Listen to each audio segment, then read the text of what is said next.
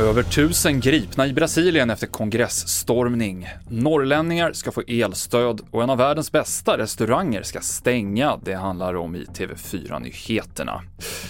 Vi börjar med mordet på 21-åriga Tove i Vetlanda förra året. Åklagaren tror att hon dödades i en av de två mordmisstänkta kvinnornas bostad.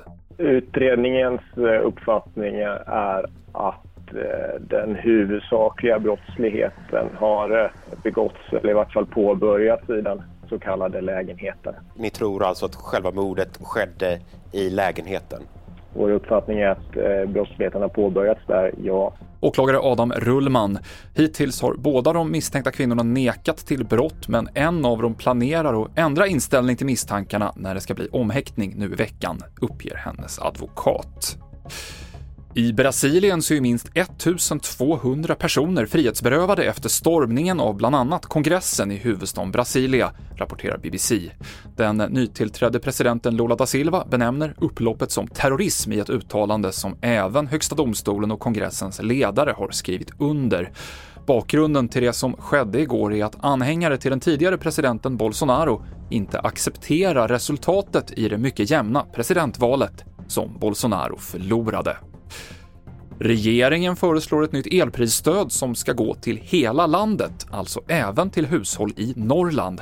Svenska kraftnät får i uppdrag att ta fram ett nytt stöd som ska baseras på elpriserna i november och december och betalas ut någon gång under våren. Vår politiska kommentator Ann Tiberg med en kort sammanfattning om vad som stack ut på dagens pressträff. Ja, två saker. Dels att Norrland kan ju faktiskt andas ut lite grann. Det kommer elstödspengar till Norrland. Det andra är krånglet fortsätter. Man har ju verkligen låst sig fast i en krånglig modell eh, och det, jag kan inte se att det här är problem problemfritt. Mer om elstödsturerna på tv4.se. Vi avslutar i Köpenhamn där den världsberömda restaurangen Noma ska stänga i slutet av 2024, meddelar man på sitt eget Instagramkonto.